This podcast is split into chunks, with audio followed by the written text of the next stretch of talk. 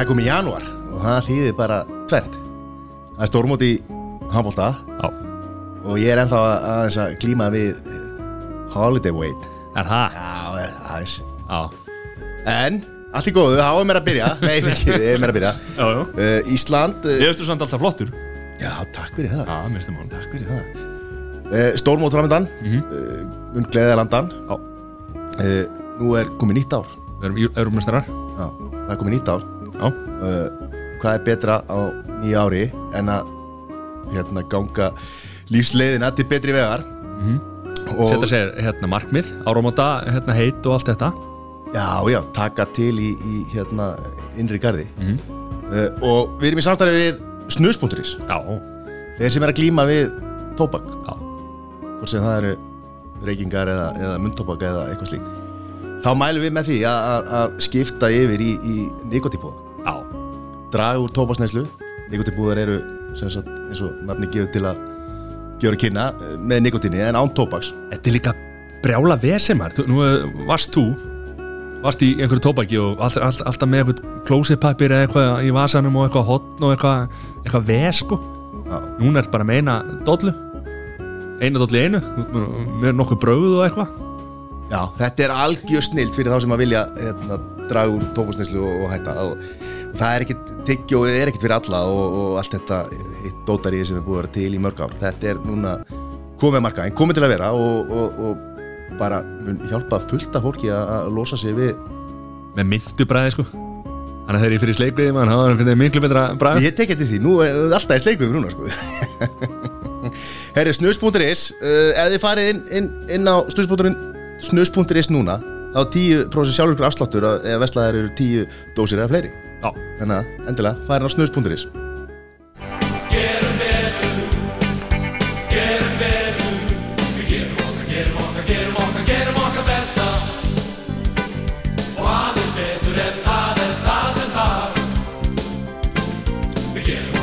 Ég verð að viðkynna, ég sjálf að verið að peppa það fyrir stórmóti á síðustu árum.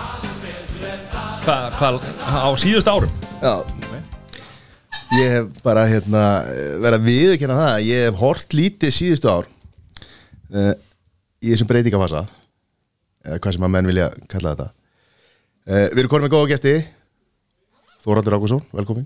Takk fyrir. Þín stærstu afreg á handbóltavellinu var það að, að, að giftast besta hangnallis manni Íslands? Fór fyrir hérna Viking 92-95 var það ekki 93 liði var Já, hérna var- það var aðeins setna sko En, en, en jú, jú, það er Já, ég er þe- þetta tímabil. Já, uh, þegar að Helga, konaðin já fór, Spilaði fyr, handbolta, fór já. fyrir Viking Já, já. Og hérna með þrjá titla. Talið Alltaf ekki. tali 93 lið, talið eitt besta handbólta hvenna handbóltalið hérna Íslands. Já, já, það, það, þar stoppa mitt afreika handbóltavellinu Við ætlum að fá hana, við bara glemdum glend, Ég ætla að fá henni en ég- Matti, akkur hattar á konur? Ég hatt ekki konum, bara þína. Í alveg Vá, nei ég- það mikið maður. Ég, vænt um baði um að tala við Þóraldum að fá Helgubyrnu Já, ég veit að ég- hérna, Það var Mér eitthvað veist Þóraldur bara miklu skemmtilegur. Ég verðum bara við ekki naða Já, þú heldur áfram. Já, Og Styrmi Sigursson, þú ert fullur á handkastis. Já, Hvað er að tala við handkastinu? Við erum aðalega að fjalla um ólistætt Karla í handkastinu og náttúrulega landsliðið okkar. Og kom örlítið inn á kvennaboltan en svona áhugaðsvið okkar liggur Karla megin og við höfum verið einbætt okkur að því sem við erum betri já. Hvað hérna, eru búin að vera lengi með podcastið? Sko handkastið hefur verið til núna í að verða, þetta er annað tímabilið. Við byrjuðum semst fyrir tímabilið fyrra en ég sem sagt kem til liðsöða núna í sumar. Tótti standa með svona djúvöldi vel sem gestur í fyrra þið pekkuðum upp í sumar. En fínt svona að hafa fleiri til að rótir þessu. Já, þannig að þetta er annað tímabilið okkur nú þetta er virkilega skemmtilegt að hérna Bara gróskan í hlaðvörpum á Íslandi Kringum allt svona handboltan og, og Ég er að býja til þessu kalli frá ykkur sko. Það bara virðist ekkert koma sko. Með hvað? Nú, þriði aðlinni spingar að spjalla. Þið er bara ekki tilbúin að fá mig að þinn. Já, ég er bara gestur sko. Já, það er búið að gera plaggati, skil Já, Ég nenni sorry. ekki að vera að fara er- eitthvað Tróða þær inn á það Ég er líka með svo ljóta silhouette Ég myndi aldrei fara að setja mig inn í það sko. Herri, við ætlum að ræða EM í handbólta sem er að hæfast núna Byrjar í dag, í Jú, dag, eh, bara byrjaði ég. en hefst alveg að löga daginn hérna á móti heimsmeisturum uh, heimsmeisturum í Danmarku við ætlum að, ef við ekki að byrja aðeins að kíkja á liðið og, og, og sjá það aðeins Björgvin Er þetta ekki í útdorfi? Björgvin Páll Gústafsson uh, á hann ekki, hvað, er hann með næst lengsta fyrirlina eftir, eftir Guðunni eða? Nei, Pettersson Alexander, já. En, Hvað, Björgun, hvað hérna Er, hann búinn eða? sko ég held að hann væri búinn Já, en svo opnaði hann sig eins og bara gal opnaði sig eins og bók og gaf út bók í leiðinni Mhm. og eftir það einhvern veginn finnst mér að hafa aftur einhvern veginn svona endur nýja daga sína sko, ég var alveg bara komin á það að Ágúst Eli og Viktor Gísli ætti að taka við þessu Mhm. og Ágúst Eli geti líka alveg verið þarna sem þriði aðali, þetta er bara þú veist, ótrúlega leðileg staða fyrir hann greið að þú veist, þeir eru, eru þrýr eiginlega bara allir svipa jafn góður sko. En að allir bara gummi gummi sig ekki aðeins að satsa á reynsluna hana Ég held, ég held einmitt sko að það, það, það er nákvæmlega Ágúst Eli búin að standa svo ótrúlega vel í Svíþjóð alveg rosalega vel. Um, ætli að sé ekki bara þannig að Gumi þóri ekki að taka tvo innan gæsalappa óreinda markmenn með á stormót þetta er í raun og veru nákvæmlega saman á G og G er að gera í Danmörku með Viktor Gísla hérna Hallgrímur sinni að í raun og veru taka einhvern alveg mökkreindan og einhvern sko algjörlega rennandi blautan baka eirinn og svona kombinera það doldi þannig að sko ég held að séu allir samanlega því sem horfa á handbólta að, að Viktor sé framtíðamarkmaður það er svona sturlað efni sko. En hann er ekki komin alveg þar að hann sé að bera upp liðið. Og þá kannski er Björgvin Páll meira safe bet heldur en sko tveir órindir, ímyndaði mér. En hald, haldið þá að, að hérna, Björgvin muni starta samt? e, já, ég er alveg bara handið svona Já. að hann En, byrji en hann er ekki því hlutverki að vera eins og oft er með markmenn. Veist, þeir eru, þeir eru eitt lið í liðinu. Þeir peppa hvern annan Mhm. upp. Þeir svona hérna stappa, stappa stálið. Þú veist, veita leiðsögn. Ég held að þetta er alltaf spurningur hvað, því að nú veit maður ekki nákvæmlega hvað þetta lið leggur upp með. Hver, hver þeirra takmörk eru að sko Viktor Gísli náttúrulega spilar í Danmörku og ég veit ekki hvort að honum verður bara hent út í djúpu. Kannski er hans árangur í vetur ekki, dugar ekki til þess að það er náttúrulega Björgupalli líki í Danmörku. En ég, ég veit það ekki sko hann náttúrulega bara er eins og ungu markmaður þú veist, hann er bara hann, er óstöður og þannig á bara ungu markmaður að vera. Menna markmenn er að toppa 28-9 ára gamlir hann, veist, hann á 10 ári í það.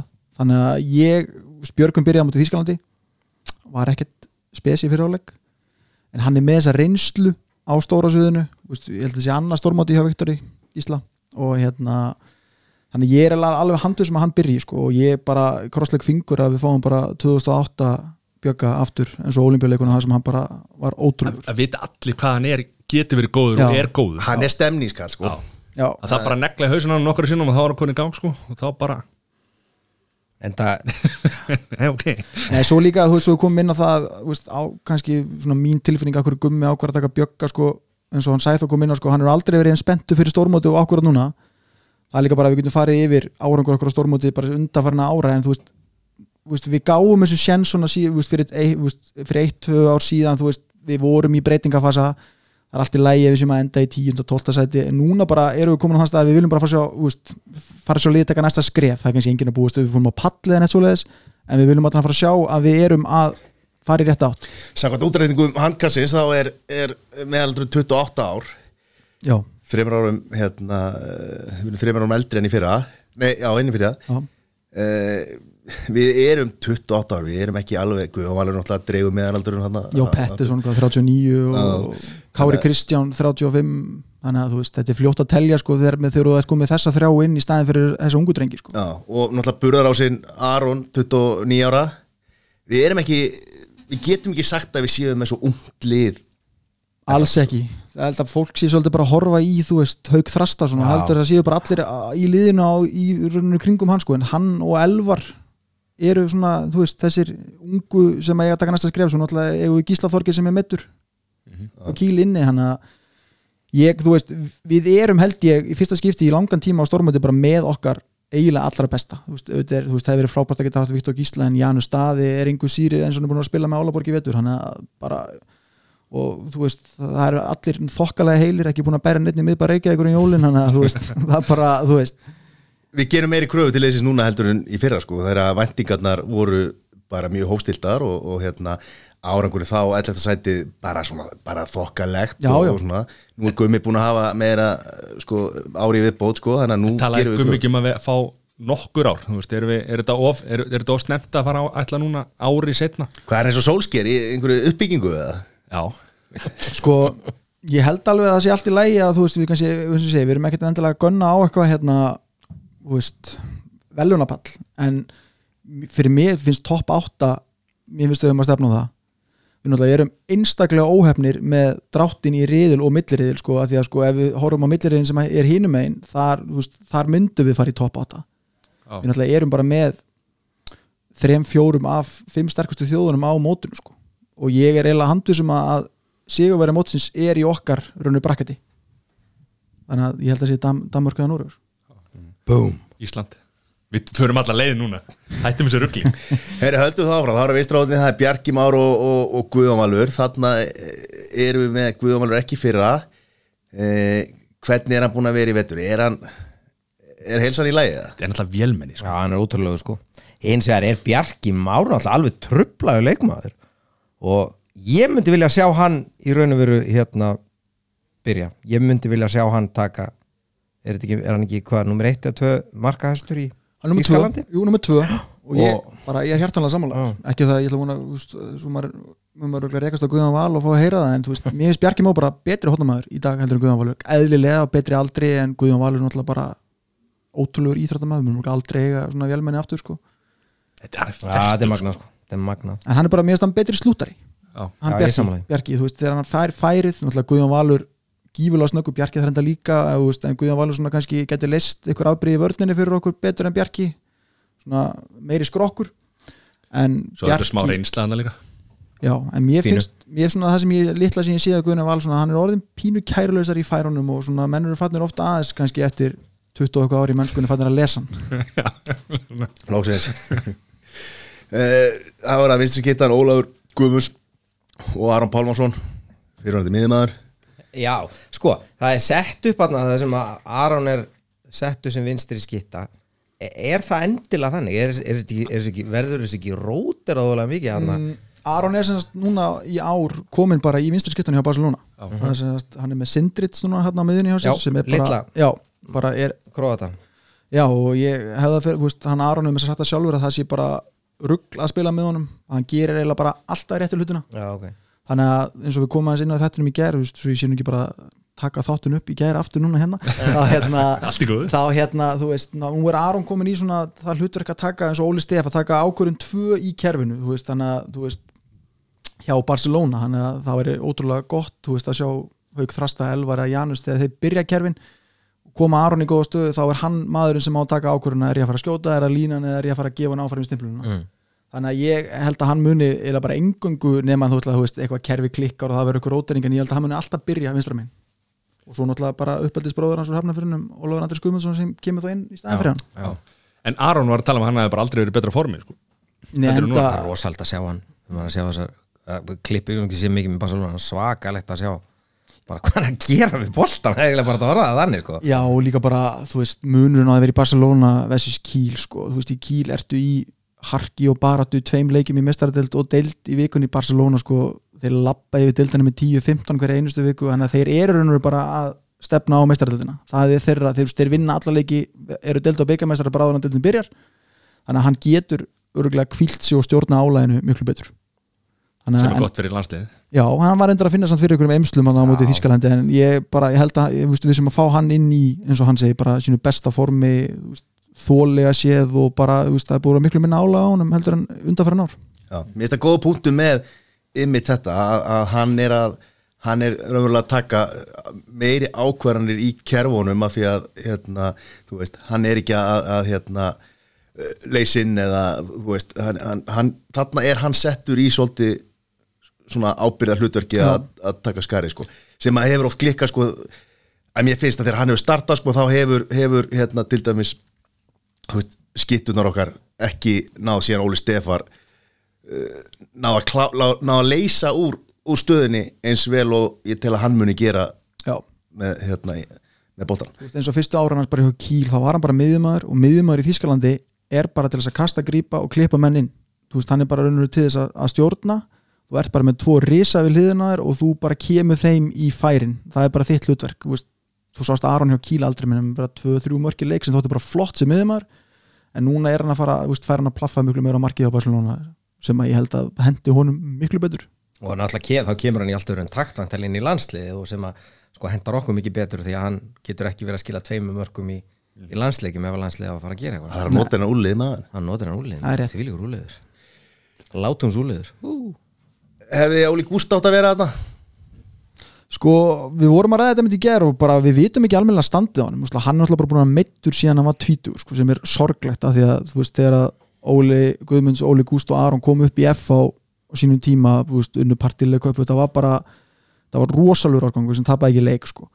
þannig að það er búin að sorga að segja með meðslun á honum sko, en fyrst hann er ekki að taka með hann gummið þá gerðinlega tristur hann ekki fyrir sko. ég bara hef ekki séð nú mikið af fréttum frá Danmarku hvernig staðan á honum Ólafi Gústi er, sko. var hann ekki tekin síðast inn aðalega til þess að spila vörn? Jú, þannig að er hann, ætli sko gummi sér þá fara hann að horfa eitthvað annað varðandi að skila þessari varnavinni þannig að Alexander kom hann inn sem að var ekki þegar Ólaf var síðast. Var hann í fyrra eða var hann í sko stórmótuna undan Já, sko, Pettersson verður náttúrulega bara settur í rauninu tvistin í vörðinni, Já. bara á móti skittinu Óla, Óli Gúst hefði alltaf verið settur í þristin Já. fyrir miðun og þannig að þú veist það rauninu breytir engu rauninu en þú veist, ég bara held að hann hafi ekki hald, bara tristunum í álæði sem fylgir þetta er náttúrulega liðin sem fara alla leið sko, þetta eru þrýr, þetta eru, þetta eru nýju leikir á 17 dögum fyrir liðin sem að, fyrir úrslutaleikin Hvað bull er þetta maður? þannig að þú veist, þú þarfst að vera með mikið. alls skoti stóran og, og breiðan hópið það sko En varnabuffin sem við erum með núna hvað er, hvað er það helstu Varnar Buffin segiru Er ekki varnabuffið það? Nei, eins og Sigfús í Kanada skilur, þú veist, það er ekki þetta er búið að breyta svo mikið þessi boltinn Sko, var, Varnaböf í Íslanda er náttúrulega yngimundur Ditti já, já, og Sverri Og Jakobs. Já. Björnsson en það er alveg hægt núna Sko, já, það er alveg akkilesar hellin hjá landsliðinu hver er eiga að spila þristana sko. Þú veist, núna tel ég að sko, þetta muni dreifast að milli Ímis Arna Gísla og Sven, Svenna og Arna Freys sem er allt línumenn hjá okkur.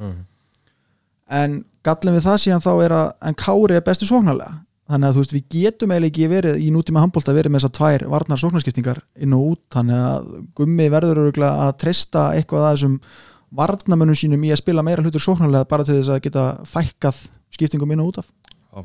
þannig að við Það er eigum alveg ekki ferlegt að þurfa að skipta út línumanni í sókn og vörn. Bara svona upp á taktin og og Kári, þú horfir á hann hann hefur allt, allt til brunns að bera sem góð, eins og þú segir, buffin sko. Ég veit ekki hvað er sko. Við, við höfum ekki átt línumann sem var fyrsti línumæður og varnaböð fyrir okkur síðan Sigfúr Sigur sem er Robby Gunn, Robert. Sigvarts Nákvæmlega. En- Vignir var náttúrulega en hann var aldrei, þú veist. Hann var ekki frábæð sóknamaður sko. Nei, kom tímabil sem að hann var að leysa af hérna svolítið mikið, en það var Robby Gunn alltaf fyrsta val náttúrulega en þú veist, þá, þegar þurftum að minga skiptinga þá kom Vignir inn á En ég hef búin að segja mörg ár. hann var náttúrulega legend sko. Geir svo góð varnamaður Já, hann var, verður ekki ánum teki búin að segja mörg ár. Hafþó Július á bara verið í hóp sko. bara til en þess að Linu planta honum í Bæri, Krist- þessi Óli Stefáns ætla að fá eitthvað er það ekki eitthvað? hann er náttúrulega alltaf gamall núna ekki? Ekki, Með- ekki vali. Guðjón Val, hann búið kottn ungu, tíu árum yngri eitthvað. Já, góða punktum en, en hérna en hann bara Hafþór Júlíus færi aldrei úr vörninni sko. það er ekki að hlaupa neitt Hann að bara vera að ógna já, það var ekki Ókna, hann að vera með sverf bara Game of Thrones. Já, já, en ég man nú einhvern veginn í gamla dag þegar við hérna í stjörnunni spiluðum á móti þrótti vógum handbóltalið sem að þá voru Gasman og Gils og þeir mættir í byggarnum og það þarf nú meira en að vera bara sterkur í handbólt þú þarf að geta hreftið á löpunum og ég er nú ansið hættur um að þó hafa þá Július er sterkur þá þegar hann myndi mæta Aronni Pálmasin í einni fintu þá er hann skilin eftir í reik sko að hérna. Og helviti en það væri náttúrulega óskandi að við myndum eins og hérna, þú veist, var reynd hérna árum áður, hann vikingurinn hérna, ungistrákurinn, Brynjókull, nei, hvað, hann fór í val síðan Hjálmar, eða ekki? Já, já, Arnarsson. já, þeir reyndu þetta með, með hann, en þú veist, bara meðslu og kannski áhuga líka, en þú veist við þurfum að fara að grípa eitthvað á svona risa og reyna að búa þá til en erfitt fyrir okkur í 300 manna samfélagi að keppa við eins og þjóðverða sem eru 90 miljónir og bara, þú veist, eru bara allir yfir 2 metra sko. Svo náttúrulega Köruboltin fljótur að grípa já, stóru strákarna og þetta, er, svona- þetta er erfitt að Já, erðu natvélinn maður? Natvélin? Og hann hérna Tryggvi Hlinason Fá þá turnaða ef ekki bara halda okkur við handbóltamennuna alltaf að reyna að finna eitthvað alltaf að kljúa einhver atom hérna það er að flugum stjóra þetta miðmennir, Elvar Örn Jónsson Haukur Þrastason og, Janus Staði já, selfisingarnir við erum er- FH í vinstri skýtu, Selfoss á miðunni og gróttu í hægri skýtu Já Hérna, hver er starter? Janus, er það ekki? Ég, mynd, nei, ég held að Elvað Örn Já, verði startur gefið að öklin haldi Já, alltaf, og þá komum við inn á út af varnarskiptingunni. Elva getur spilað, getur spilað þrist í vörn. Og það er ástæðan fyrir sko ég er með blöta draumi um það að Haukur Þrastarsson og Aron Pálmarsson verði hlið við hlið á þessum móti en þá erum við komin í tvöfalda varnarskiptingu sko. Getur haukur ekki spila vörn? ekki þrist, Nei, nei. þá ertu komið með Alexander, Aron og Hauk í tvistana hann að þú- það, það er eiginlega er eiginlega vandamáli sko. En þá kannski getur við sér í með að þá inn á línunni og tekið þessa einu, einu varnarskiptingu en ég held að Elvar starti og öklin, það var ekkert að fara með en það var 100% Já, En aðeins að útskýra tvistur og þristur og Bara verið Já, fólk sem er að eru- hlusta á hérna. Þristur sem sagt eru þeir sem standa fyrir miðjuvörn. Miðjumar og Já, línumar í það er semst bara, já, það er bara sex menn í vörn og við erum bara með hotnamennina svo tölum við tvistana, það eru sem mæta skittunum og svo erum við tvo fyrir miðji sem eru svona að passa upp á bara allt flæðið í vörninni passa línuna þegar hún er fyrir aftan þá og, og mæta á hana slíkt sko. Að þar, þar oftast plöntu við okkar stærstu og þingstu mönnum svona af því Það er að mest álægið á miðinni Já, þú veist, menna skittin það vilja alltaf leita inn á, á miðjan völlin og þá viltu hafa stærstu mennina hennar til þess að hjálpa markmanninum að rauninu lesa hver þeir eru að fara. Og þar voru við með, þa þar var sko, var Vignir og, og Ingimundur og Sverri að leysa, sko, þeir voru svona parið eins og, eins og Rækki Sig og, og Kári Átna, sko, það var okkar, okkar par þarna. Já, já. En sko, gefið þetta því við erum að, var að tala um vörðina þá reyndar sá ég bara setniháleik í þessum æfingarleika mútið þjóðverum ég sko það, það var hræðilegt. Já, það var bara einu orðið sagt hræðilegt og ef ég sem ég að einhverju leiti byggi mín að spá hvernig þetta mót fer á, á því að þá bara erum við ekki einu fara búið þessum riðli. Sko vandamálið með setnáleikin sem er mjög slemt að þú svo spara því að, því að, við vorum góður í já. en í setnáleik þá við bara ekkert að stilla upp í vörn.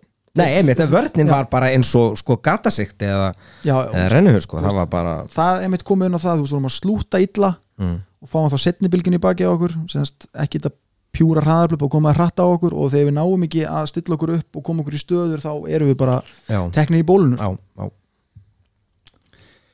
þannig að sko, og svo náttúrulega sko veist, með þess að þrista eins og veist, gummi gumm spilar mjög svona sérstaka 6-0 vörd svona, veist, sem svona þessum típiski handbóltamæra því að venjulega sko, hjá þessum venjulegu liðum sem eiga bara þess að 2, 10, 120 kilo menn þá bara plantaði sér á línuna og býða eftir að menninni koma og sé, en við erum svo litlir þannig að við erum rókla, mjög aggressífir inn og út þannig að þetta krefst mikill orku að vera að sækja út og raunir að vinna menn eins og bara til Ingimundu og Sverri, Ingimundu var bara inn og út, inn og út, alltaf Já. að brjóta um sóknir þannig að við sækjum meira út með þristan okkar heldur en kannski önnu lið eru meira að láta skittunar sínar koma út í skittunar og svoleiðis þannig að þetta, en það er e- eitthvað sem gummi útferði bara og bjóð til að því að hann hafði ekki þessa risa sem hann hafði þannig að hann þurfti bara þú veist, að adjusta. Og kom handbólta bara, bara mönnum á óvart með þessari vörn og, og breytti Já. þannig.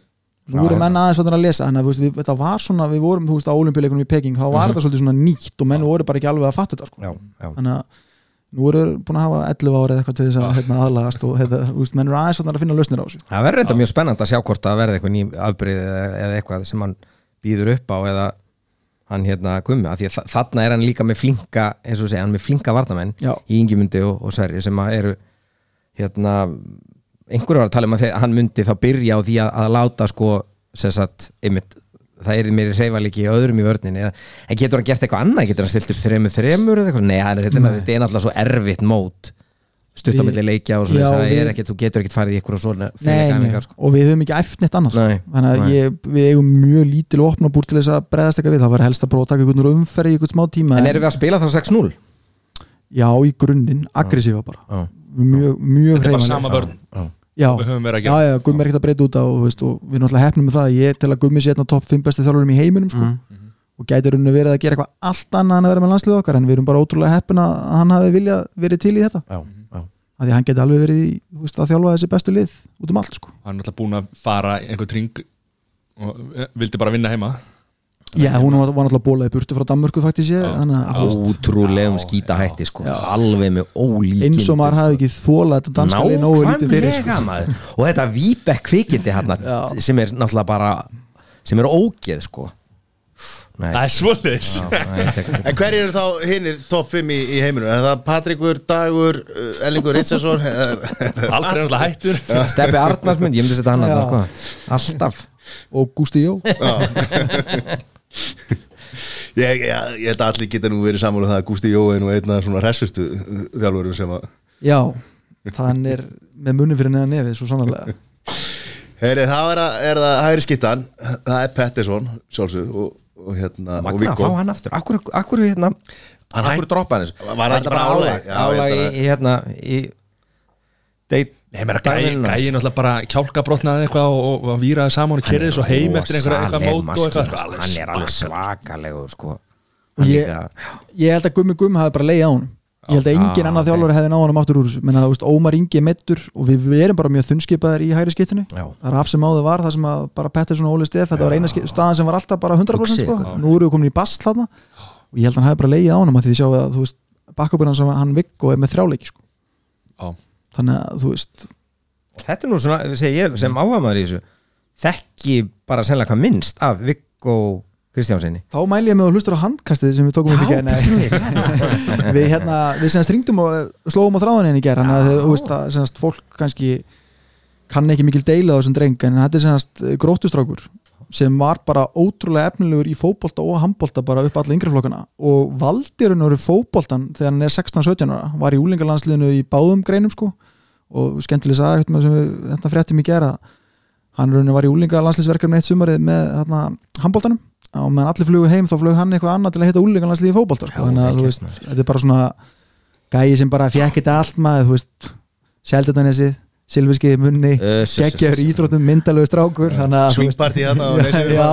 Ananas í öllum ykkur og hverju vatmaður Þannig að, að svona upp á tvítugu þá ákvarðan aftur unnur að hérna, satsa á handbóltan og Já, ok En þetta er eins og með Aron Einar ég meina hann var ansi lungin handbóltamaður hefði alveg getað farið þáleið ef að, ef að já, já, já, spila marga leikja mótunum og hann bara óþólandi góð, sko, þeir bara þetta með Þór Akureyri, sko, bara og meina, ég er alveg vissum að veist, hann standi við það sem hann er búin að segja og komið hérna heim eftir að ferðinu líkur og, og eitt tímabil í Hann er alveg rosalegur áhamaður handbólta Myndi maður ekki gera það? Með nokkra kúlur í bankanum og engar áhugjur og bara fara í handbólta jú, skella sér á miðjuna bara. Já, ekkert vesen maður Kaupir bara, styrkir Þór. Já. Kaupir bara hérna, auðlýsingu frá hann á búningnum og stendur bara Aron. En þetta, þú veist, Alexander mun klálega starta en Viggo er að spila núna með Vetslar, er stóð lánið þar frá Leipzig en mun svo skipti yfir í Stuttgart í, í hérna sumar og hérna, hann- er að spila núna í þetta bestu delt í heiminum hann, hann er alveg, þú veist, veit út á hvað það gengur en sjálfsögður reynsluleysi og hann Hvað er hann gammal? ég held að sé 26 Já. ég held að sé 26-7 ára. Ég held að sé ekki að fara með ráttmál Já, þannig að hann er að detta á sín bestu ár núna bara.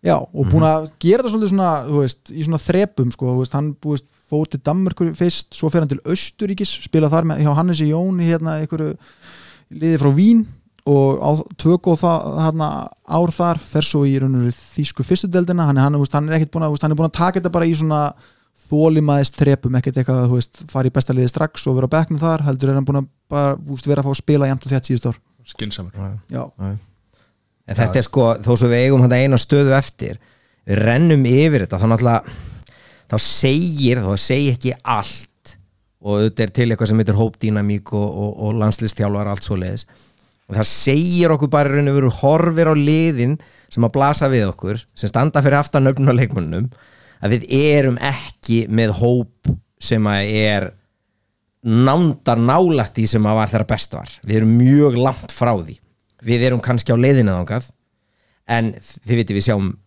talsvert mikið af sko leikmönnum í, hérna á einhverja leikmenn hérna í deildinni talsvert í Skandinavíu uh, einhverja sem eru í svona kannski minni spámönnum í stærri deildunum.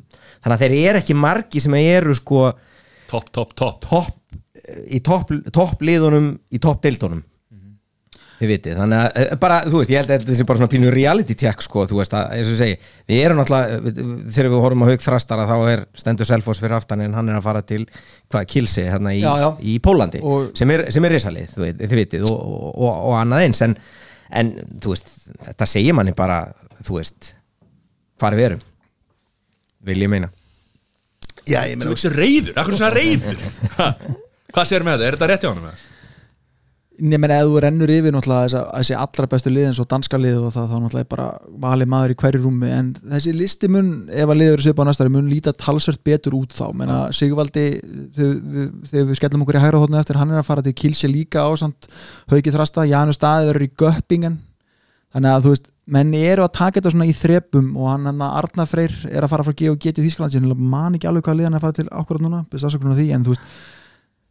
auðvitað var þetta, þú veist, þegar Óli var í Sýta Dreal og eða Gauji var í Rænækja Löfi en þú veist, það, þú veist Haugur Þrastásson verður, held ég, bestið handbóltamæri í heiminum Mhm. eftir nokkur ár. Þannig að ég ágjör að þessu og Viktor Gísli ef það verður haldið vel á spöðunum að hann sko, þú veist, ég, þú veist, ég sé bara Niklas Landin í honum. Hann er sko fullkomlega vaksinn sem markmaður og ég sem gammal markmaður, ég fæ bara búðing á því að sjá hann að gæja að spila og þú veist, ég vildi óska þess bara að ég hefði fæðst með þessa þú veist, hann er með sko flottustu reyfingar sem ég hef séð hjá 18-19 ára strák kannski fyrir utan Niklas Landin sem náttúrulega Mhm. bara er eitthvað freak of nature sko. Þannig, að, þannig að þú veist, við ef við getum ekki búið til markmann úr honum þá erum við í basli. Það er svo leiðis er en hvernig er hausin á hann, þú veist, ég meina hann er bara það er bara ótrúlega þroskaði með að við hvað hann er ungur sko, en eins og því það eru tíu ári í að við munum sjá hann já, Já. í þú veist, rauninu full þroskaðan og bara bestan sko. við náttúrulega Íslendingar eru svo óþólum og það þarf alltaf að gerast núna sko. En það er náttúrulega líka bara það sem er óhefilegt fyrir hann. Ef hann væri Dani eða, eða skiliði frakki að þjóðveri þá væri hann bara á sinni eðlilegu vegferð. En hún er náttúrulega grýtt út í sko faxaflóa nánast bara. Þið veitir, hann er ekki eldri og er bara eins og þú ert að segja, það er náttúrulega óst, hann er óstöðugur af því hann er ungur og svona. En, en ég, einmitt, maður sér þetta hvað þessi gaur getur og það er, það er magna það er bara alveg magna sko. Þannig að það er mjög spennandi. Hvað er við Það er átti Arnór Þór Gunnarsson og, og Sigvaldi Björn Guðjónsson. Uh, Arnór búin að vera í þessu hlutverki núna í svolítið langan tíma uh, og vita skittan okkar. Uh, erum við ekki erum við ekki bara nokkuð Arnór svona oftast bara solid skilar sínu hlutverki vel. Erum við ekki bara þokkalegir þetta? Við erum bara eiginlega hrikalega góður þarna, sko. ég er búin að grínast með að ég er að keira sigvaldalestina sko. það er allir velkomin á hann sko, því að hann er svakalegur og ég get nefnilega alveg séð sko, krakkanir í kúlbett eru með skemmtilega leiki núna fyrir móta þess að þú getur veðið á markaðasta mann sko, og það er Arnór Þór leggstuðlaður, líklegast að hann verði það en örglúta náttúrulega þessum vítakostum en ég, sko, Sigvaldi Björn er einmitt að skipti yfir í Kílsi sem er með haukið þrastar og Kílsi er ekkert að sækja örfendan hægri hotnamann bara að því bara sko, þeir vita alveg hvað þeir eru að fá og veist, hann er með núna í þessari norsku deild með tíu marki leik og mestalagi eitt klikka færi þannig að takk ég bara eftir þegar hann fyrir hann á hotninu hann er svona 14 sekundur í loftinu og bara þú veist, og, þú veist hann bara eil, þú veist, þegar, þegar hann fer inn þá er ég bara nokkuð örugur að þetta endar í marki ótrúlega skotekni snúninga hausa, getur fíbla markmenn alveg upp úr skónum sko. Byrjar hann? Eða, Ég er að segja, hvað færa mikið að spiltíma? ég held að fá mikið að spilum ég bara, þú veist, ég held að Gummi Gumm muni klálega því að þetta er rosa jafn hópu núna hann getur stýrt álæðinu miklu betur. Mm. þannig að ég, þú veist, af hverju að keira honum út þegar þú ert með jafngóðan mann í hægri skiptinu, er eitthvað Nei, bara ég eitthvað, eitthvað Þú voruð að vera eitthvað að í snúrum stressaður. Þannig að sko ég myndi ekkert koma mér á óvart ef hann myndi byrja en hann sennilega gera það ekki sko. En hann er alveg, já, Hvað er gammal? Hann úf, 21, tveggja og eitthvað svo leið sko, hann er á bara besta aldri sko. Og hvaðan kemur þessi gæi? Ég veit ekki. Ég Aldrei búið á Íslandi ég held hann sé svona í jú, ég held hann Noregi. svona ættur að rekja í háká held ég. Ó, minn maður. Er sé ekki að, að fara með rangt mál en það má þá leiðir þetta mig. Þetta er hákafur, maður sér það bara á nafninu og hann er öflugur. Já, Heyri, það var að línum að staðan. Uh, Þar eru með hérna, Arna Frey Kára Kristján Svein Jóhansson og Ímir Örd Gíslason. Þannig erum við að tala með er Arna Freyr uh, að leysa varna hlutverki uh, Kári hann er vantalega startið hérna í sókninni eða ekki? Jú, ég nema að Arna Freyr, þú veist, við sem að hugsa um það að reyna að spara skiptingar þá með Já, já. Arna Freyr á miðin en Kári er klálega besti sóknarlínumæður. Já, Er það, er það ekki Þetta er dóldi skrítin stað Sko Arnar Freyr náttúrulega er er? Hann er búin að vera einhver stórmót nokkur. Þetta auðvitað 15 Já, og, og sko hann er, hann er ekki gama, hvað er hann, 97 ára gera eitthvað svo hann er ungur Já, sko, á tiltölulega. konungur og þú veist, menn hafa hort til þess að hann verði munstraður sem svona að, að eigna sér þetta en ég hefði á tilfengjum að segja eitthvað pínu högt í hans svona progression sko. Annars hefði hann ekki verið að taka kára og kalla hann tilbaka.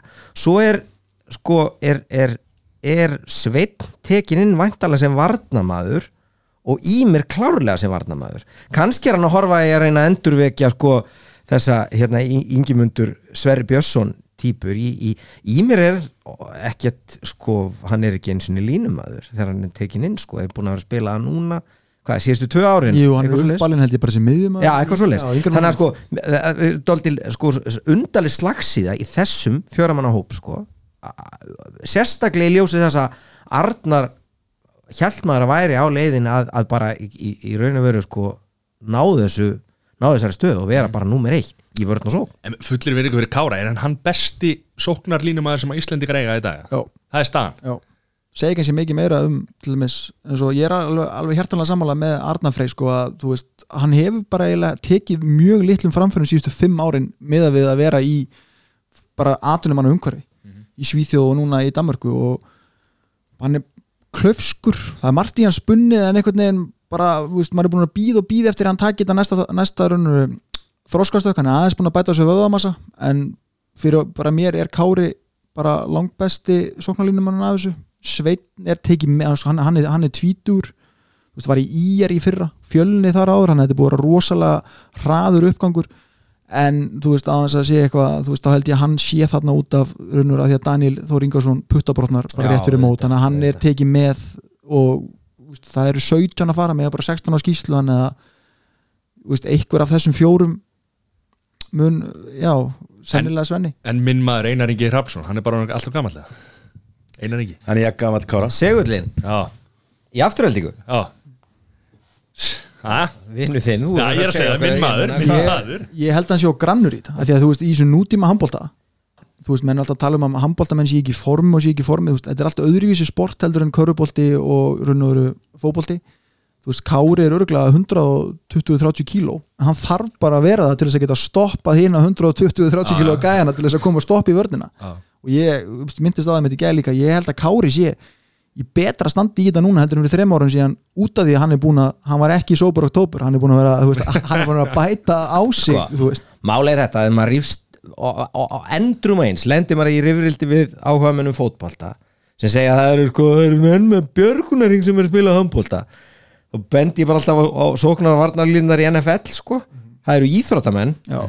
en þeir eru bara öðruvísi í læginu einhverju sko. bestu íþróttamenn í heimi sko. Já, jafnvel sko, þú veist það, það er allavega þeir fá ekki þú veist, þeir, þeir fá enga nammindaga þegar þeir eru á miður tímubili þannig að þetta er kjánaleg umræð þetta er kjánalegt, hérna, kjánalegt upplegg og ég, en, en bara til þess að hérna, beigja aftur inn í þessa umræð að Kári er bara búin að vera góður í þó, þó að þessi bara ólistildin sko, hann er búin að, eða góður, hann er búin að vera bara, hann er óviðra, hann er bara ó og meira þess að sá maður, hún er eitt litla jákvæði í þessum Þýskalandsleik. Að það var bara sama hann er komin hérna á móti sko fanta varðamönnum ráða bara ekkit við hann þegar hann komið boltan það er ekkit eitthvað, þú veist, þeir eru ekkit að sko, þeir eru ekkit að stoppa hann eða henda honum út fyrir puntalínu eitthvað, það, þú veist hann er bara Grjótharður. bara grjótharður on collision course. Og það sem að ég svona hef líka áhyggjum með sko eins og þú veist, Ímir Örn er ekki eins og sem hreinart að línumæður. Og þú veist, við horfum á liðin sem þeir eru að spila með G og G, Sönni, Íske og Valur skilur þú veist, nú eru þeir ekkit með en venjulega menn fyrir utan sem er að fara að gefa á sig sko, þannig að þú veist, þú þarft að vera fókusar allan tímana því að þó að Aron eða Hauku Þrasta Janustæði séu komin í eitthvað bast stöðu þá getur boltin alltaf komið bara þú veist, Já. þannig að menn þurfa að vera klárir og það er það sem að Kári hefur hann frammið alla bara og góður að búa sér til svæði. Menna þegar hann rekur út rassinn þú veist, þá nær hann að stoppa þessa gæja sko, og rununa varnir. En veist, það er grátlegt að hann get ekki spilað vörnina en þú veist, þar vantar aðeins upp á fótavinnu og annað. Og svo náttúrulega bara þessi, þessi búa aktúal til færin og plássin fyrir, fyrir sóknarmenn úti sko. Já, já, og ég Sem líka að- segja þetta alltaf sko, sem gammal markmaður alltaf búin að fá skítin yfir mig hvað er að eitthvað að fara í marki þú veist, þú fá bara bolti, sko, mér finnst línumenn sko, hver fer sjálfviljurinn og línulætu sex, sko, fullvagsta kallmenn, sko, olbóði, klípaði kýlaði, þú veist, mér, það myndi ég ekki gera, sko. Það sérðu þessi þjóðflokkur þetta er ekki normalt fólk þú veist, að, þú veist ég, alltaf þegar ég sé hérna, Kára Kristján fyrir mig þá sé hann einhvern veginn sko öskrandi í framann og það er alltaf reyfin treyjan mm -hmm. þannig svona ef ég, ef ég er, þegar ég er að hugsa um hann svona sent á kvöldin Hann er ekki það og Rifna þú treyja þá meira og meira þetta sem líður á kvöldi Bringuhári komið einhvern veginn í ljós og. Heri, töluðu það þessu við þjálfarna Gumma Gumm og, og, og Gunna Mag vikingar góðir. Góðu vikingur, Gunnar Magnússon. Gunni Mag þjálfaði mér nú í mörg ár. Uh, hann byrjaði sér feril. Já, þú ert í þessum, þú ert í þessum gu- gu- gullaldar árgangi sem að Gunni Mag hérna gerði heilmikið. Startaði sko. Já, já, já. Akkur helst ekki áfram? Hugsið eitthvað Akkur? Það er bara Nei, ok, við förum ekki til það hérna. Þetta, er, er, getur verið börn að hlusta. Hérna, Þú ekki að vona sér bara að hlusta? Her, er, Eru við með leinivopni í, í skúfunni þar, Gumma?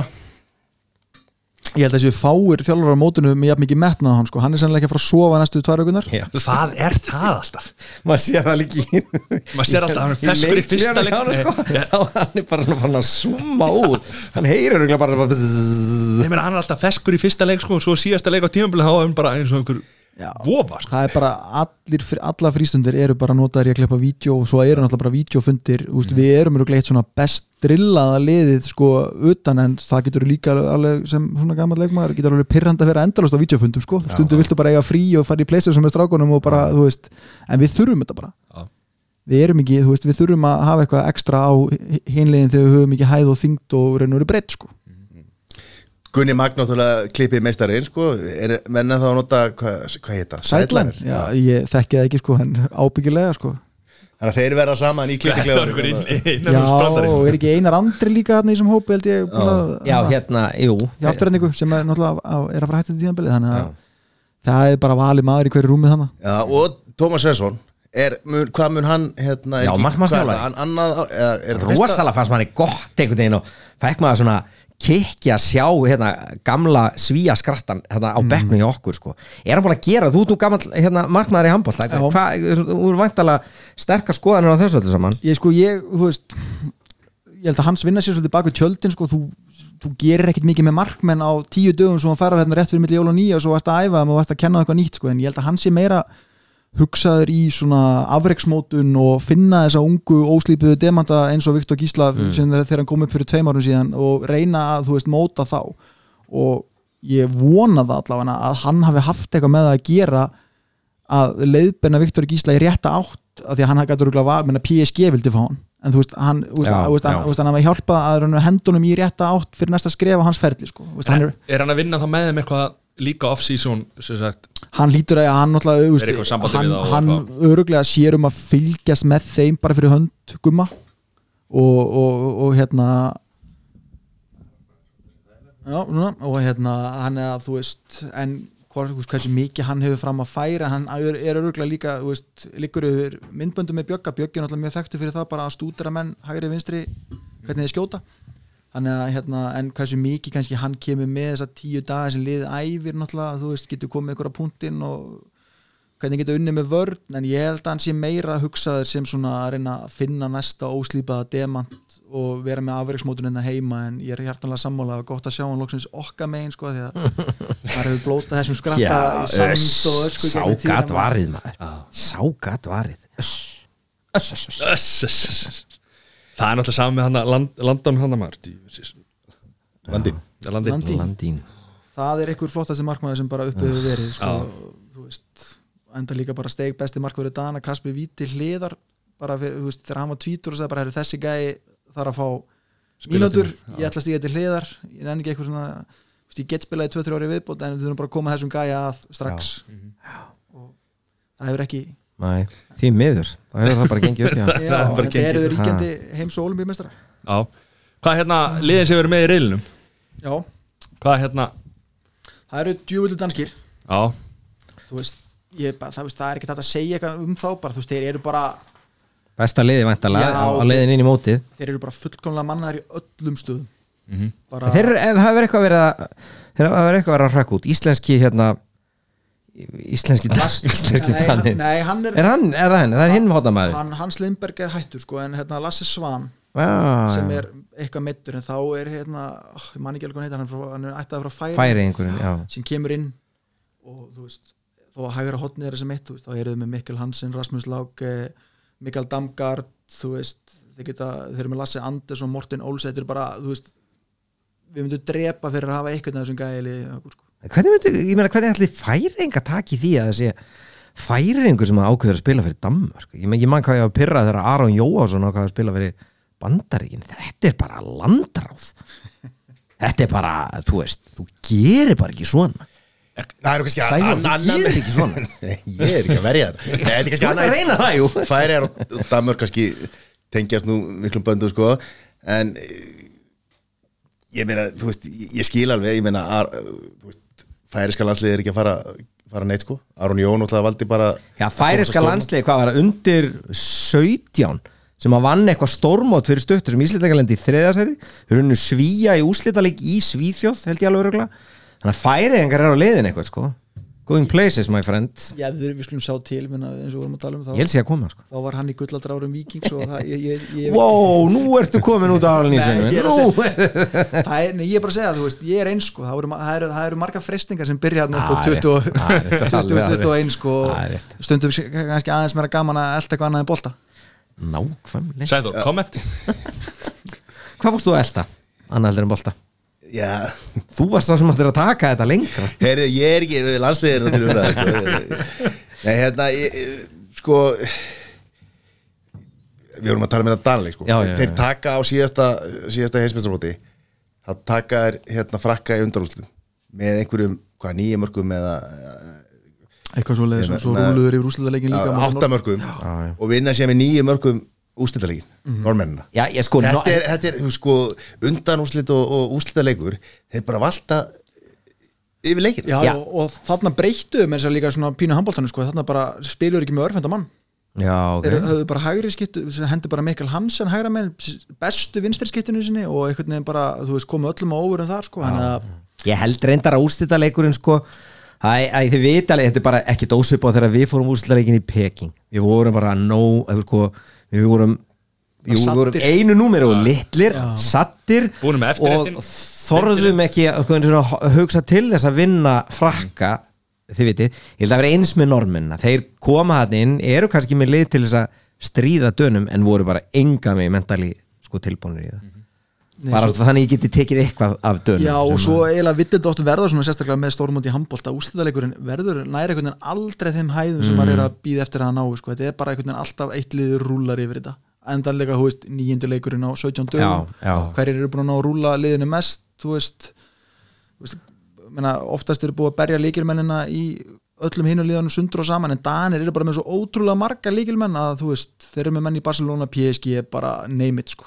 þannig að En þeir taka þá bara þá út sem eru orðnir luskulamleir, aðrir inn í staðin og, og ekkert Já. Alltaf, eftir þessi líður lengra á móti hlýtur að búa að einmitt stórum þéttum hóp. Að sjálf og þú veist það er mjög krútlegt hvernig við erum að nálgast hennar leik í fjölumölum skilur að gott að fá það í fyrsta leik eitthvað þeir væri kæri sko en þú veist gummi gummir okkar megin sko gamli þjálfur er að þeir eru alveg að fara að mæta klárir í fyrsta leik sko. Já, já. en akkur tæklu við þetta þá ekki bara þannig? Akkur erum við að rembast við þetta? Þetta er, þetta er bara væntingastjórnun 101 og segja bara, heyrðu, við gleymum bara þessum Æ, ég veit ekki, það er kannski ekki. Einhver Nei, við viljum bara, mér langar, mér langar mér, það var allir mér langar að horfa á hann leik þú veit við skítum þessu leik og það er bara nóg, ef þú mynd það með einu það verður umulegt en handbólt er sann svo fyndin í þú þú veist litla liði getur alveg einu sinni í hundra leikjum hitt á leikmenn að þú veist já. ef að Bjöggi hittir á 20 bolta þú veist þá þú veist, sóknarlega getur við alveg mattsað sko.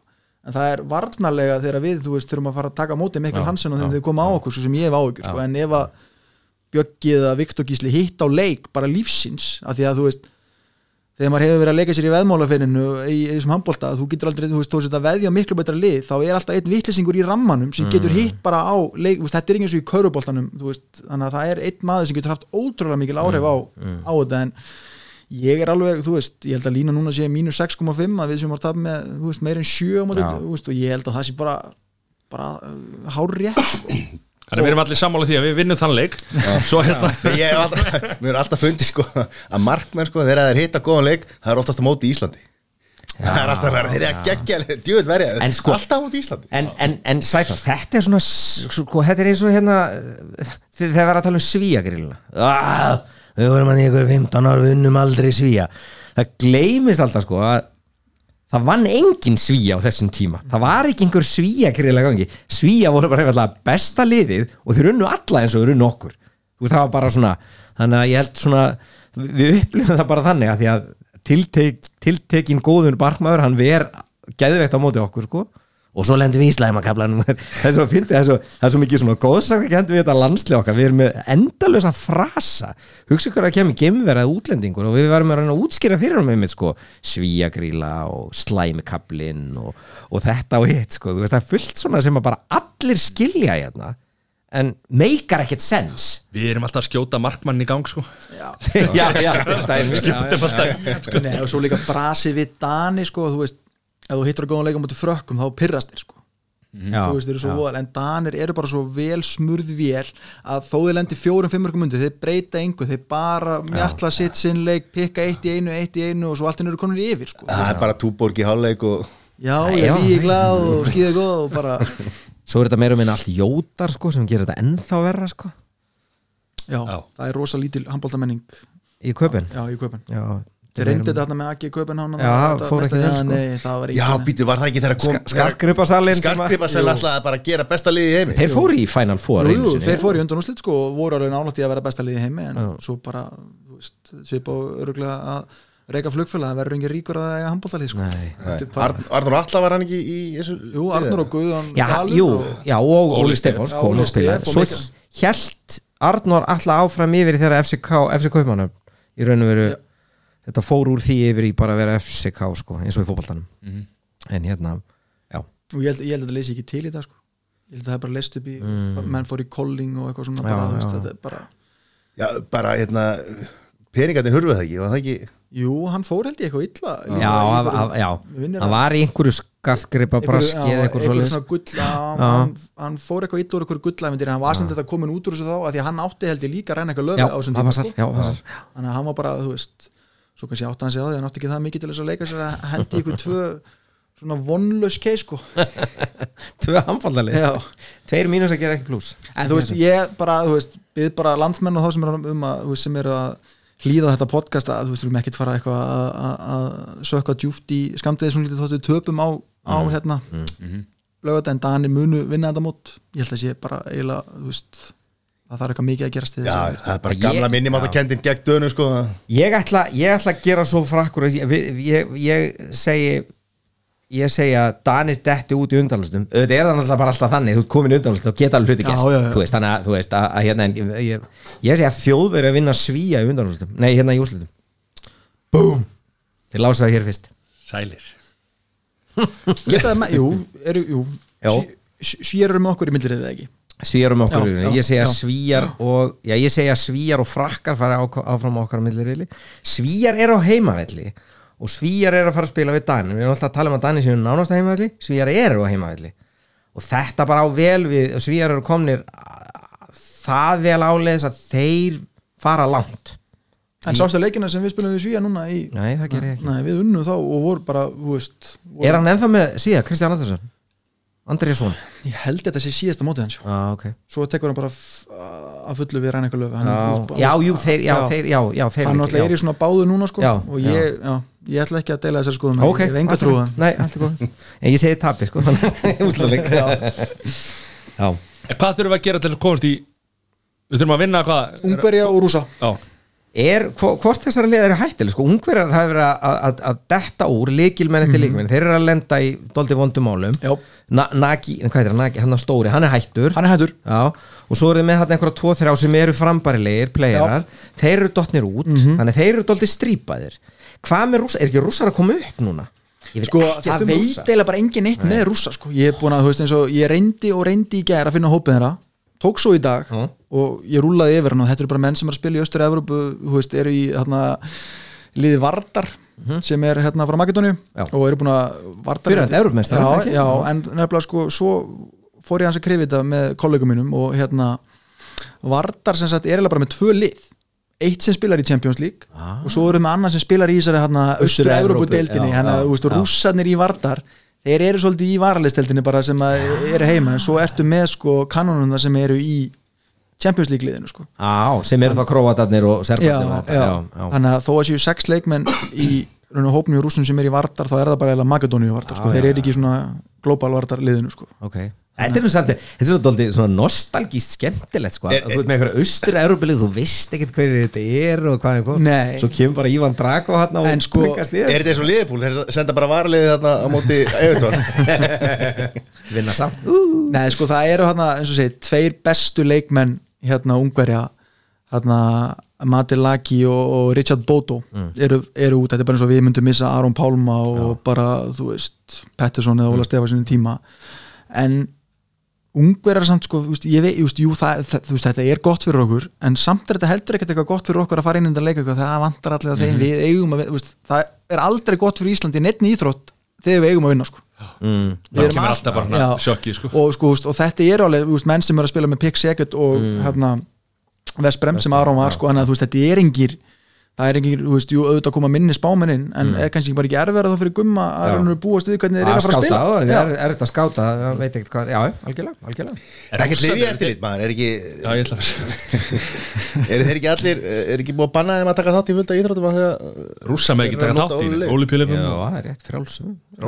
Já, en við í handbóltanum þetta er svo, svo mikið klíka bara, þú veist það er allir, það er öllum eftir að koma þar sko. Gamla góða þegar, þegar við förum hérna spilum í félagsliðunum maður, einhvern þetta, förum austur eftir og, og hvörtum við dómarunum og það er öll einhvern veginn svo báðandi teppið maður. Eða gamla góða þegar, þegar hérna var það þegar HM átti að fara fram í Þískaland hvort það eru 2007 eða setna og þjóður komist ekki áfram þá bara eitthvað svona um, hugs hugs um, já alveg rétt. Eyjálfa missir sæti sig af því að ég man ekki út af hverju bara svona eitthvað. Við, þannig að þú veist það er bara við erum ekki að fara að halda HM í Þískaland er ekki með? bara gleymi hugmyndinni. held ég á síðast eða þar síðast að háum móti þá held ég að hann, hann eigi boltafyrirtæki hann að Mustafi eða eitthvað sem hefur Egypti. þessu. Já, það verður að nota þá bolta þótt að öll liðin hafi kvarta yfir það er voru, sko. voru það ekki boltarnir það sem að hann- var veginn að kynna bolta það sem að þú þyrtir ekki harping sko? Þannig að það væri eitthvað svona harping það, hérna, fór ekki vel í okkar menn sko, en þú veist en þú veist, ungverjar, þú veist, þeirra besti maður er hérna markmaðurinn, Róland Mikler. Og þú veist ég bara, ég þóla ekki ungverjarland eftir að að snorrist þetta klúraði vítin árið 2012 sko, ég bara, ég get ekki þú veist, það var sárt maður, mm rosalega var það sárt. Ég það næstu í jafn sárt og ég nefnilega held við hefðum unnið ólimpíuleikana ef við hefðum, ja, sammála það, ég bara sammála það þetta lið hefði unnið á sko. þannig að hún búin að vinna frakka En þeir eru svona, þú veist, ég er að renna yfir hópinu hjá þeim, þú veist, það eru tveir, þrýr hérna hjá þeim sem eru með hérna, 100 landsleiki, svo er þetta svona 10, 20, 30 landsleiki svona svipað í okkur, en þeir eru sjálfur í uppbyggingafasa. Er þetta stál í stál, sá leikur þá, dóldi bara dagsform og, og ég, við eigum svona að vinna sko. Við bara, þú veist, við eigum bara, við, bara, við eigum að geta gert kröfu sem stuðnum með Íslands að við vinnum ungverja sérstaklega þegar vantar þeirra bestu menn, sko. Þetta er rosalega mikil óvissa, við vitum ekkert um rússa og ungverjar pínlítið óskrifaflega líka Já, en þú veist, það, þarna samt með þessi tvö lið kannski anstætt við Danmörku er það sko, ef við þegar að þau lenda á slæmakaflanum þá er slæmikablin bara það sem eftir er leik sko. þú veist, aust, austur-Európu búin sérstaklega í- oft í íþróttum er bara missir hausin ef hann lendir í smá mótbyr sko, þannig að við þurfum eiginlega að ná slæmakablinu á þeim fyrr hérna heldur en okkar sko.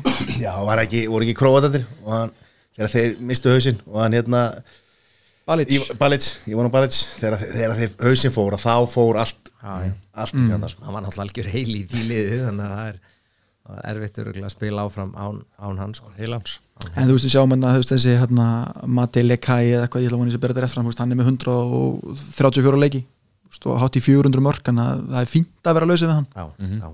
þannig að aðrir í liðinu eru bara já, með miklu færri leiki og minni reynslu sko. Já. þannig að Þannig að tve- við Fyrir ekki, já, Nei. við hérna, töpum fyrir dönum og vinnum næstu tvo leiki og hvað er þá?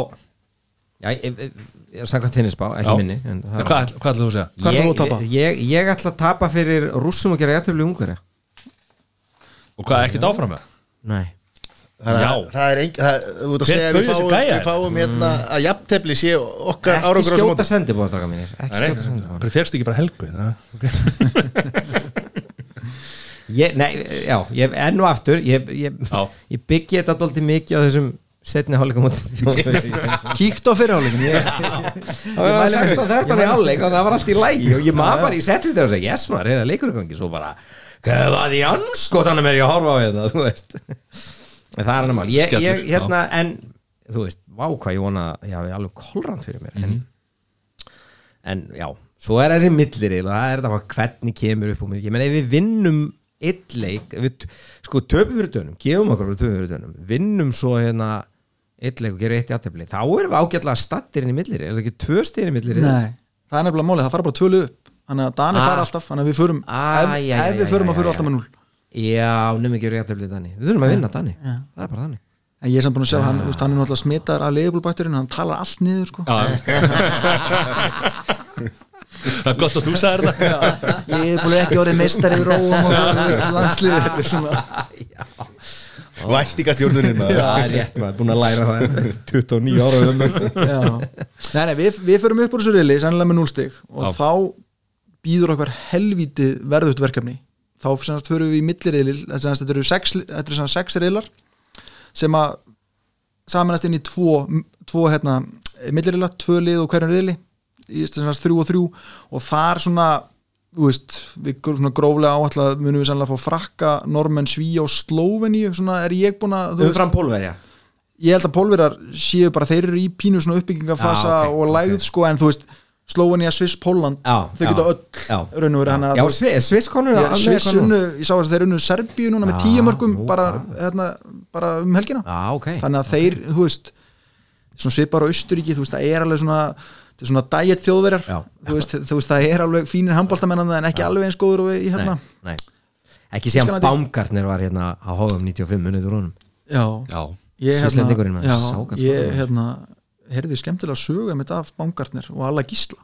Já, eftir held ég að Barcelona 92 það voru teknir Livjapróf og þar voru svona lagarar til þess að hjálpa mönnum að, að pissa og þeir, úst, þetta var eftir síðasta leikin og menn, úst, það var svona léttuð mönnum að þeir fóru í keppni hvað getur drukkið fleiri á þess að fara að pissa? Og það fór 22-21 fyrir alla gísla. Fór 22 svona litla. Það er kannski aðeins búið að hérna, færi í stílinn en þetta er einhvers ég góð saga. Þannig aldrei eða ekki góða sögum með sannleikanum það er það er rétt. þannig að hérna Já, já, e- já ég, ég tek undir þetta, spurningið mitt með sko pólverja eða já, slóina en, en frakkar og normin, normin er náttúrulega áhugavert lið, sko, þeir veist þeir að koma, koma upp með alveg svaka legan hóp núna. Þeir Eru búin að vera einmitt svona, það er þetta að segja að þú tala um dæget þjóðverið, þá eru þeir búin að vera svona dæget skandinavar eiginlega, dæget svíjar skástrík dannir í, í, í mörg mörg ár. Og við höfum alltaf, alltaf átt ótrúlega gott með að spila við þá. En þeir eru konum með rosa lið núna sko. Já,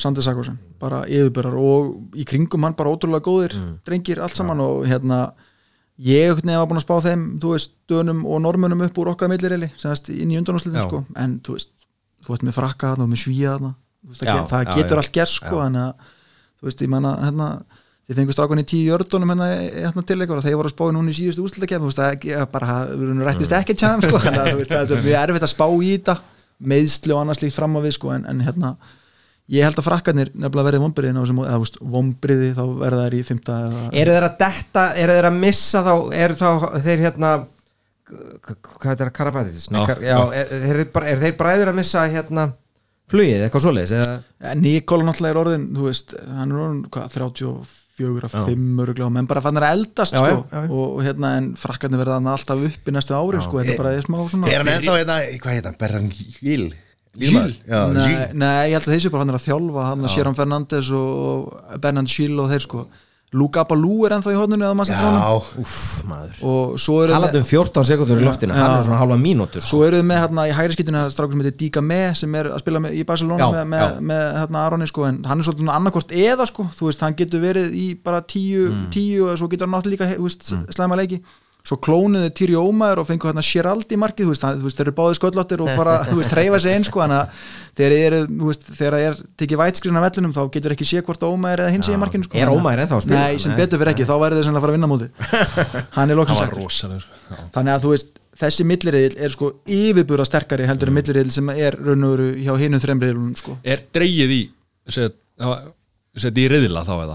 og veist, hvern, Það- af hverju lendum við í þessum það er einhver skona styrtar niðuröðun líka en bestu liðanum eins og þú veist normenn, reyndar ég held að normenn spila ekki einu svona í Noregi sinn riðil eins og ótrúlegt að það er ég sko. held það, ég Er var það nú að jú, þeir eru í þrámteimi ég. eru þau það já sko en Já. sem sagt þú veist liðanum er rað, þú veist Austuríki fær hérna spila sinn riðil í Vín þannig að þú veist, það er einhver fyrstu liðin eru handpikkuð inn í hérna riðlan og svo er dreigið í kringu það sko. Já, En það virðist meira þess að ég var nefnilega að skoða þetta en ég hugsaði bara hvað geði við gert út frá sko kólöfnisfótspóru öllu því að vera að halda móti sko Skandinavíu og Östuríki Þetta eru bara nýju nokkurnar þjóðunar já, já, en þá er það nákvæmlega þetta sko, þú, þú maður sér það alveg að sko, það er reynda þjóður eins og þjóðverður og spánverður sem þurfum að sem að koma sér upp í þrántheim í Noregi, en önnur, þú sér eins og, eins og Tjekkland og Úkræn og svona þau spila í Vín. Já og, Og- hérna riðil A sem er sko Króatja, Hvítarúsland, uh, Svartfjörðland og Serbia sem er bara austan tjálsriðilin, hann Já. spilar í Graz í Austuríki og það er mjög stutt upp Já. í það sko en að, þú veist, þeir eru svolítið að stíla líka inn á bara stemninguna að,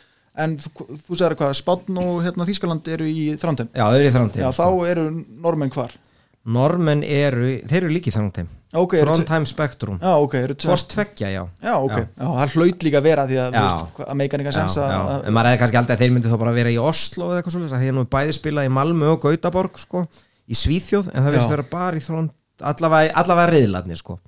En hérna, en það, ég meina já, en þessi, þessi hinn millirið, það virðist nú vera já, ég, maður veit ekki með Króata en spátt Þískaland eru vantalega að fara allavega í undanúrslit Já, og það er náttúrulega þau eru saman í riðli Já, þannig að já. þú veist, það er alveg bara strax ús, úslita leikur í Já. riðlinu hvort tekur með sér stigu upp það sko, þannig að En svo getur maður samt spurt sér að því að því við vorum að tala um oft hefur verið talað um að hérna að þessi júgoslanir austantjáls og, og oft júgoslanir sko liða þau sko þegar þau ná flugi þá eru þau bara, bara óstöðandi Króatar er að lenda í við skulum segja bísna aðgengilinu riðli þeir eru þarna með sko kvítrúsum svartfællalandi og serpum tala ekki um að taka serpa sem þeir spila við í lokaleik þá er þeir komlega dóldi flug þá þurfa þær að vinna annarkvort þjóðveri eða hérna spánverja og eru þá komnir í ansi góða stöðu að, að ná undanáttu reynda sko. það er svona þeirra leið Já. inn sko. því þá eru komnir á flug, komnir með sjálfströsti og ég menn þeir eru með svona gauðra eins og sindri svona eru með svakalan hópi er alltaf góðinn alltaf sko.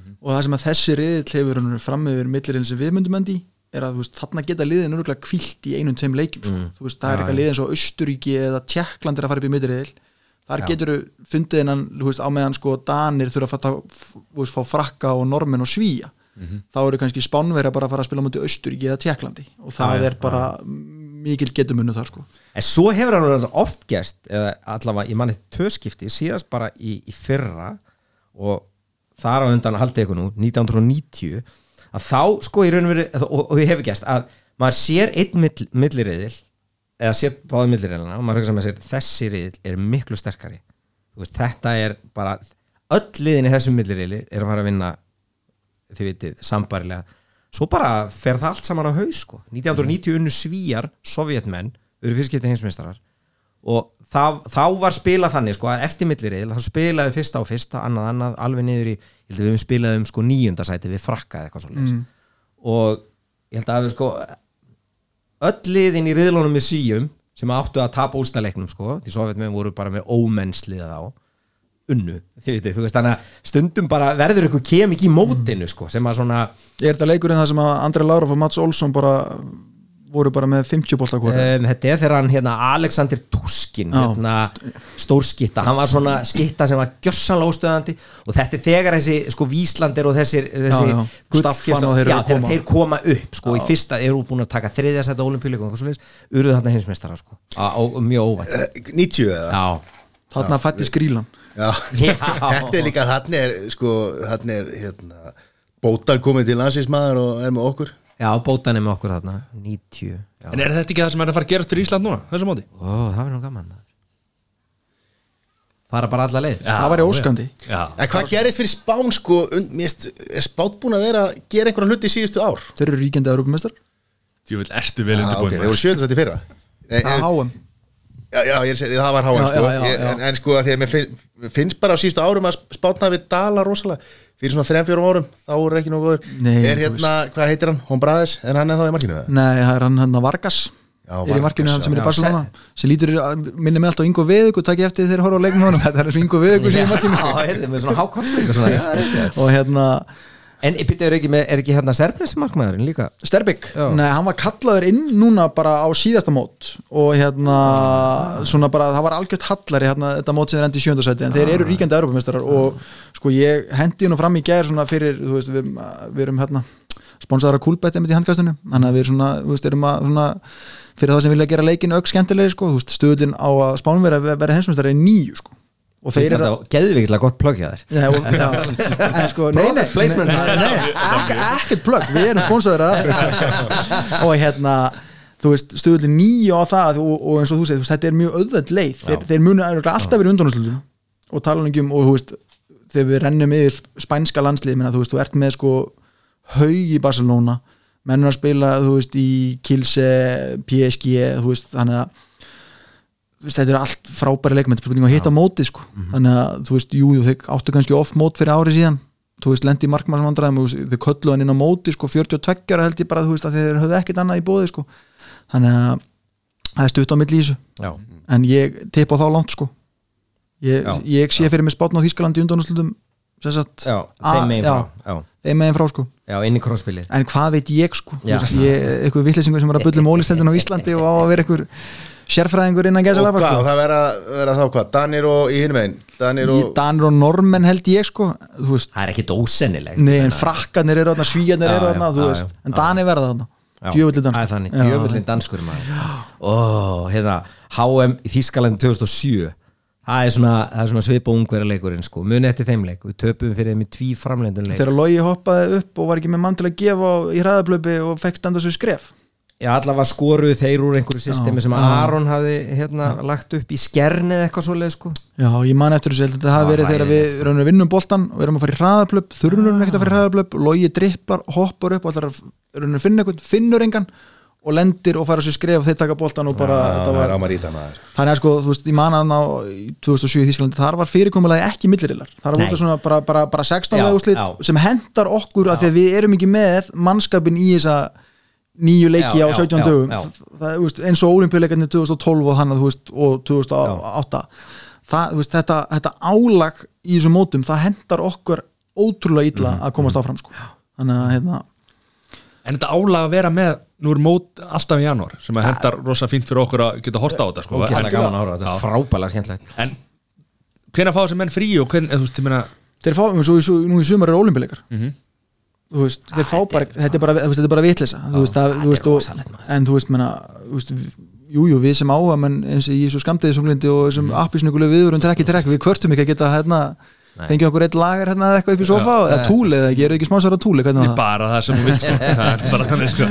Já, hérna þannig að þú veist, en þetta er bara vittleysa þú veist, þú sér bara menn hellast á lestin og tala ekki um bara eins og fyrir mjög ansku úrvasteldina bara þessi jólatörn núna, hvað, meintust 50 menn eða eitthvað, þú veist, þetta er bara galið og þú veist, við myndum alveg lifa það af að taka 1. janúar annarkvæmst ári frí, sko. Já, já, Þannig að- Já, einmitt, þú veist.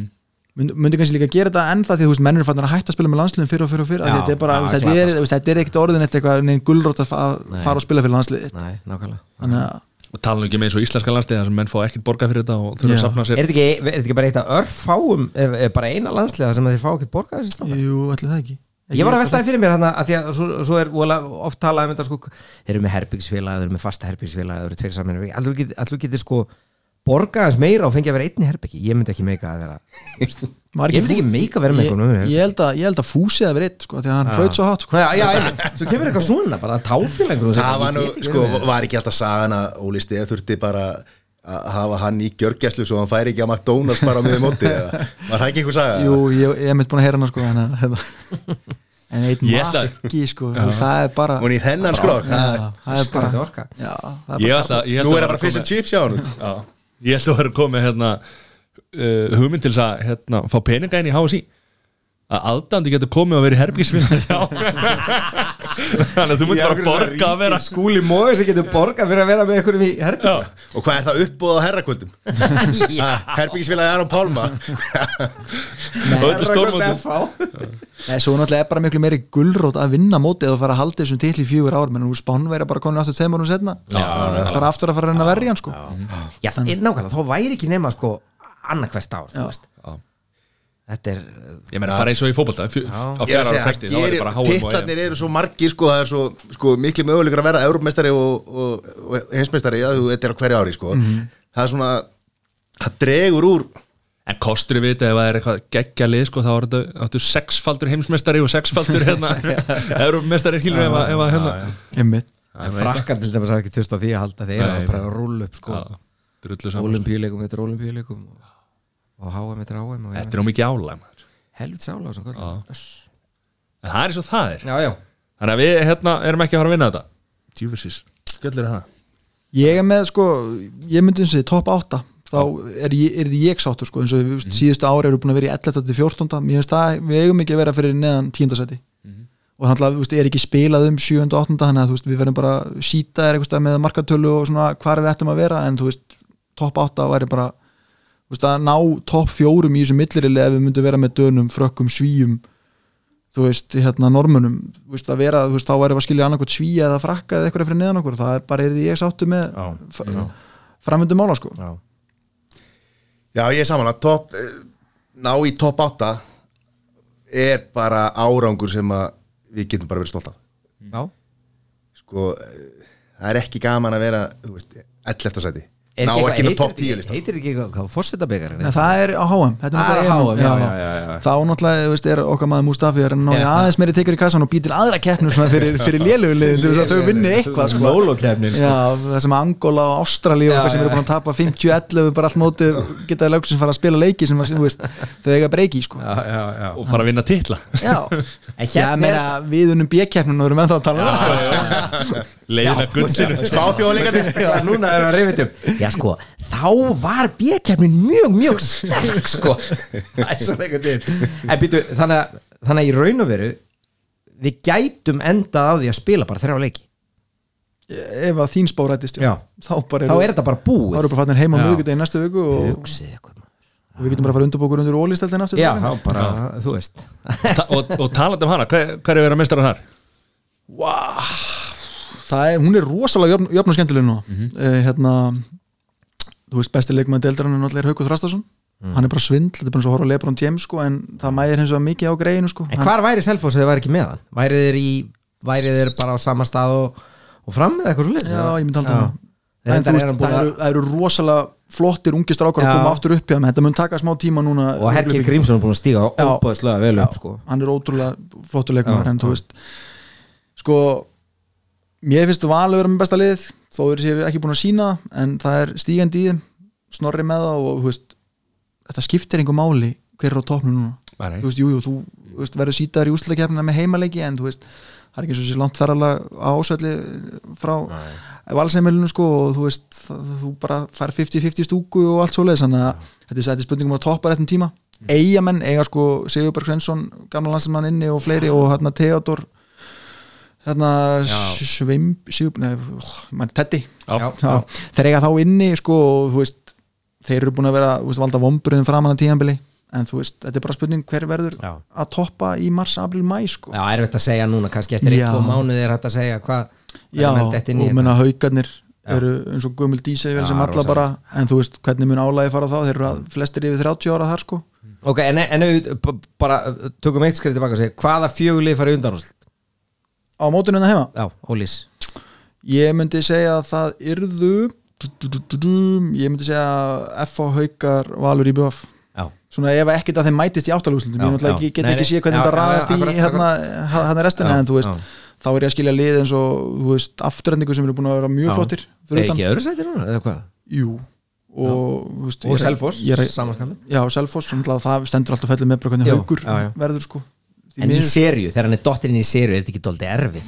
Það setja 12 mörg og svo, Jú, sko, svo líður einn og halv tíu- sólaringur og svo já, þarftu að fara að setja önnur 12 þú veist, hann er með 12 mörg og 10 skupi færi og 9 stóðsendingar sko, það fer allt í þetta gegnum þetta. En, veist, en hann eins og ég held ég fyrir þess að þetta hann verður bestur í heiminum ef hann meiðist ekki og hald verið rétt á spöðunum sko, hann er bara svona Sandi Sakos en veist, hann er betri en Aron Pálmarsson var á þessum aldri þegar, þegar Aron Pálmar koma upp sko. En þá kemur spurningin, þetta komur örgulega mörgum á óvart og af hverju velur hann að fara til Pólas? Er það út á hann Þóri hérna hótamanni sem er hvað aðstofþjálfur er ég, ég bara velti fyrir mér flest er það alltaf, ok, eðlilegasta leiðin er að fara til Skandinavi, hann er kannski bara góður fyrir að fara til Skandinavi finnst hann góður fyrir það, sko. þá er það næst einmitt, er það Þískaland sko eins og hann hérna Gísli Gísli, svona hérna Kristján Rara þar kemur ála kannski en, þú Já, já, einmitt, veist, einmitt hann er hann að fara í fína deild Já. en lið sko sem er að keppa um veist, í Champions League Final Já, Four já. þú veist, hefur verið í Final Four Hann Þannig að það er- það er- og, og hann er auðvitað að fá okkar hlutverk Já, þú veist, Er þetta ekki hérna uh,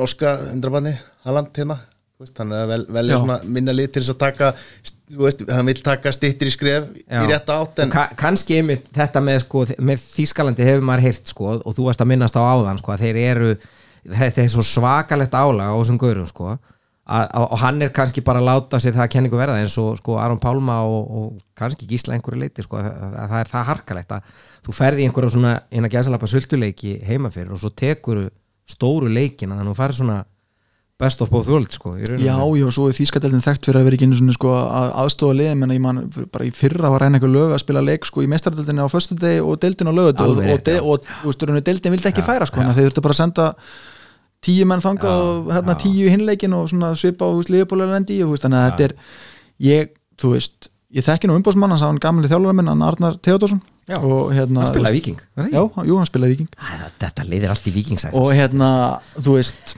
hann er einmitt með Sander Sako sem líka hann er rosalega vel tengdur sko, og hérna er að standa sér frábælega í þessum geira sko, og ég held að þetta sé bara þú veist, sniðut múf ábyggilega ekki lélegt peningalega séð. Mm. austur-európa-liðin borga ágætlega þegar þau borga kannski kemur þetta sér sko, eða eitthvað þú veist, hann, að, þú veist, hann er alltaf góður fyrir Skandinavi en bara þannig að það sé á hreinu hann væntanlega hefur verið með sko opin tekka eða opin farmiða. Hann gætt valið Já, ég held að það hefur hann verið- ég væri held að það fara, hefur verið- eða ég held að það hefur verið sexju lið í pottinu sem að vildu fá hann sko, veistu hvaða liða voru? Ég heyrði eitthvað staðar hérna, göppingen nefnt, svo veit ég að hérna, skern, það sem Patti var að þjála, þú veist, var líka Mm. nefnt þar og fleiri lið, sko, en ég held að þetta sé bara svona fínt skref, þú veist, þetta er ekki alveg, þú veist, stærsta, stærsta lið eins og PSG eða, þú veist hérna, Barcelona, en hann endar þar einn daginn, sko Mm. Já. þetta er kannski bara svipa á þegar að hérna Óli Stefáns og Dagur fara í Wuppertal Já, og hérna og bara síðan upp og út eftir það sko. En eins og þegar Aron meina, fer frá Kíl til Vesprem menn töluðu að það væri að fara að taka niður fyrir sig. Var það ekki á sínum tíma? Já, sko, niður fyrir sig náttúrulega deildin slagari, en hann var bara bara búin að vera meittur í bara þrjú ár konstantli út af álæg Þú veist, það er hann að spila 60 leiki á árið eða eitthvað bara í deild og byggar og hérna, Champions League en náttúrulega, þú veist, ég var náttúrulega hrifin af því múfið á þeim tíma þegar hann fótt í Kíla því að það náttúrulega var Alfred Gísla sem var bara að taka hann undir sinn venda væng, nú, veist, nú er engin svona borlingandi íslensku þjálfari sem að þú veist, þú náttúrulega erum með Kristján sem er náttúrulega svíi, þú veist, Íslandingur þú veist, sem er hjá eitthvað löfi þannig að ég held að þetta sé bara ótrúlega bara flott múf hjá hann um að fara til Pólland svo deildin er reyndar ekkert eitthvað svo sterkasta. En þá bara, þú veist, hann hefur hún liggur ekkert á. Það verður rosa gaman síðan þegar að Guðmund Guðmund þarf að ringi Dúsibæ að að ræða við hann um Já, þess, eina sem ég fúll svona úst, sem ég fúll svona frá svona stuðnismanns svona sjónamiði er að þú veist það er ekkert skrifað um pólsku deildina Nei, að þú er erfitt að nálgast hann og þú munt sjá hann svo lítið. Kannski veist, finnum við eitthvað að leiði vist að Sigvaldi er líka komin já, já, þannig að þú veist, þeir verða tveir að það næsta ári. Skorum á stöðu sporta bara sína á bólkuðil já, kannski aðalega líka þetta er, þetta er náttúrulega einn mest spennandi handbóltamaður sem að maður hefur séð bara í mörg, mörg örgla bara frá því Aron Pálma já. þú veist, maður horfir á hann og segir bara því líkt og annað eins undur sko, og maður suðurlands undur og maður líka bara krossleiku fingur að Aron haldist heill þannig að eftir svona tvö ár þá voru Aron, þú veist hvað verður hann orðin 31. 31 þú veist, þá voru Hauku búin að spila hann í Európu 2-3 ár. Þú veist, þeir tveir þeir eiga bara að geta, þú veist, gert allan fjandan tveir á móti Mm. ykkur fantavörnum sko. þannig að þú veist, það verður bara þú veist, þess vegna langar mig svo að sjá hann spila mikið á þessu móti sko. He, hefur þú trúið að, að hann fái að spila mikið haugur? Ég held að vera svona jókerinn og- eða, þú jókerinn, þannig að þú veist, menn er alveg fann að vita hver þetta er sko, Já, en þú veist, það er bara leikskilningur hans og handbólta IQ-ið hans er bara ótrúlegt sko, en þú veist, þessi bölvuð varnaskiptingar getu, Mhm. kom, ekki það að Elvar var frábær í undankefninni þegar hann þú veist, skoraði 8-9 mörkarni í sínum fyrstu leikum Mhm. búin að smá mitti núna með skern á tíðanbölinu Janus staði búin að vera geggjaður í Champions League sko, með hann Álaborg þú veist já, þú veist, við erum ótrúlega vel settir þarna en veist, það er bara eitthvað svona frekja í mér að vilja sjá sjá hann að gæja sko, Já. Því þú veist, og þetta er eins og horfa á Lebron James hérna heima á Íslandi, Já. þetta er bara svindl sko, þú veist, skorar að vild já og svo bara þú veist, svo er náttúrulega bara springur hann greið sko, hann Já. getur ekkert verið aðal maðurinn í vörn og sókn í 60 mjöndur þannig að þú veist, það er svona erfitt að vera með heilt bæjarfélag á herðum sér en hann, sko já, já, en hann er að gera það vel. Þannig að bara að fara í fermyndafræðslu sko, að- við, finnast, ég las eitthvað, eitthvað það hefur örgulega verið í fyrra það er sérst áður eða þeir unnu. Það las ég eitthvað að blaða við það eða þið vitið svona spurningalista. Og meðal annars var spurning til hans hérna eftirminnilegasta afrek í handbolta Íslandsmeistar í fjórðaflokk Já, þú veist bara, ég þessi gauri er ekki eldri þetta, þú veist. Nei. og svona þú veist þannig að ég, með þetta Pollandsmú bara ég ætla að vona bara kjöti sér svolítið upp þar. Já, og bara þú veist, takja næstu skrið rólega því að þú veist, sky's the limit fyrir hann sko, það er bara, og við viljum bara stöðu að Henry, hérna, Henry, Henry Birgi hana bara til Pólans og verði þarna bara fréttar þetta á Henry staðan ger út frá Pólandi Já, ætla að verði ekki einhver á, á vísið MBL með Google Translate að reyna að finna eitthvað um þess að gæja, við erum nú með tvo landsleis með konandi Pólans, en svo náttúrulega eru við hérna Sport TV sín alltaf frá já, það er rétt. frá hérna Champions League, þeim munu öruglega þú veist, stílinn og það að, að reyna að finna leiki með þeim sko. Þannig að veist, það eru ótrúlega eins og flugfyrirna segja á Instagram á vorin spennandi tíma framöndan þannig að þú veist þú veist, bara gaman veist, ef þú myndir fá að sjá framfara skrifa þessu móti, topp 8 held ég að sé bara, þú veist, allt í lagi að hérna satsa á sko, þú veist, menna normenn þetta er búið að vera svona tröppugangur af þeim reglulega og eins og þeir, þú veist, svo kom spennufallið þeirra hérna fyrir árið síðan eða eitthvað þeirra þeir hérna brotlenda í ústæðuleikum en þú veist, bara voru bara sattir Já. Þeir vera mun grimmari held ég ár sko. Þetta er, þetta, er, þetta er mjög krítís mót fyrir þá.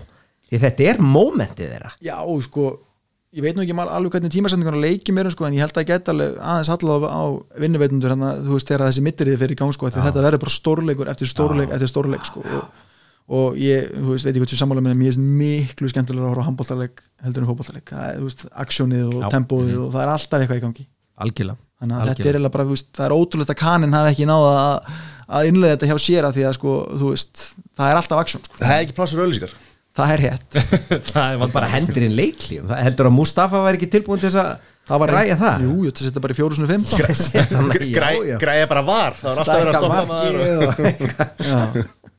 Herri, er þetta ekki flott en miklir og spennandi tíma framöndan eins og Gummi og Gummi var að tala um þetta er vegfæru, þetta er marathonlöp sko. þetta er, við erum ekki Já, já, ég, meni, ég kom ekki eins og inn á Viktor Gísla sko. þú, veist, meina, þú veist, ef Aron helst heill við erum, við erum með Elvar Örn á besta aldri Hauku Þrastastígu, Viktor Gísli þú veist, Mhm. bara stóri strákar hann úti 13-14 farið og hendi ykkur á línuna því að þið bara, þú veist, í vörnina við þurfum að fá, við þurfum, bara þurfum að fá stóra stráku í þetta. Já, Natvilin, nattvílin shout out. Og bara minnum á að stilla væntingunum fyrir Danalíkin hérna, það er ekki endir alls ef, að, ef að hann fyrir illa Við núlstildum okkur eftir, eftir hann Já, meina, við byrjum að horfa á Norwich United komum okkur alveg nýr í botnin Hva, Þetta er á lögadaginn, sko. þetta, er, sko, þetta er svaka hérna. og Conor og nótina maður Nei, hérna nei. nei, Þetta það er sko- það er ekki neftin en þú getur farið í NFL það er Já. 49ers hana um kvöldið Vikings. og, og Vikings.